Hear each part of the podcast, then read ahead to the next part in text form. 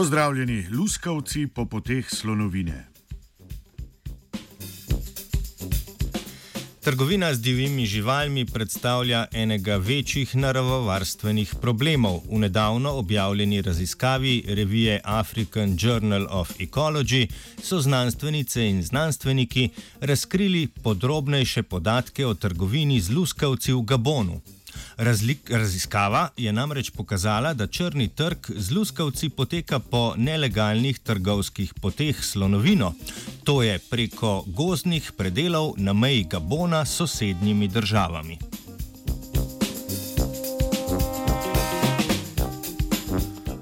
Luskavci so sesalci, ki so aktivni po noči, se prehranjujejo s termiti in z mravljami, znani pa so predvsem po svojem luskastem telesu.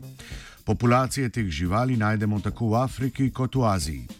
V slednji jih ljudje množično lovijo predvsem zaradi mesa in lusk. Zaradi upadanja azijskih populacij se povečuje nezakonita trgovina z afriškimi. Trgovanje z luskavci so raziskovalke in raziskovalci preučili na območju Gabona, kjer se nahajajo tri od štirih afriških vrst luskavcev. V tej državi je na lokalni ravni lov na nekatere vrste namreč dovoljen za potrebe prehrane. Avtorice in avtori članka so preučili gabonsko trgovsko pot z luskavci in ugotovili, da se ta prične pri skupnostih, ki se z njimi prehranjujejo. Nadaljuje se prek lokalnih tržnic do prodaje na tržnici v glavnem mestu države. Nadalje so primerjali cene, ki so se med leti 2002 in 2014 po vsej trgovski poti znotraj države dvignile za kar 211 odstotkov. Po poročanju lokalnih lovcev naj bi bili luskavci v letu 2014 ena najbolj iskanih divjih vrst živali.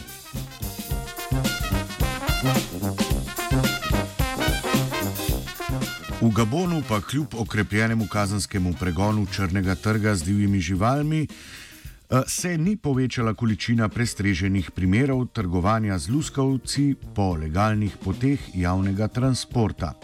Slednje nadzorujejo s pregledi tovora na železniških postajah, letališčih in v pristaniščih.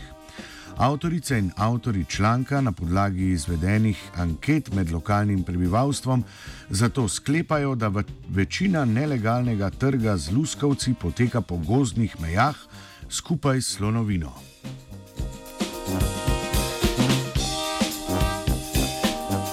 Gabon je tako država, ki ima velik potencial za porast ilegalne trgovine z luskavci.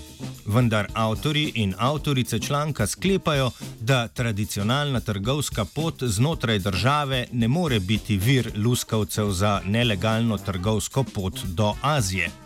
Za ohranjanje teh z luskami pokritih sesalcev je ključno nadaljne izvajanje ustreznih naravovarstvenih in političnih ukrepov, ki zavirajo razvoj nelegalne trgovine z živalmi.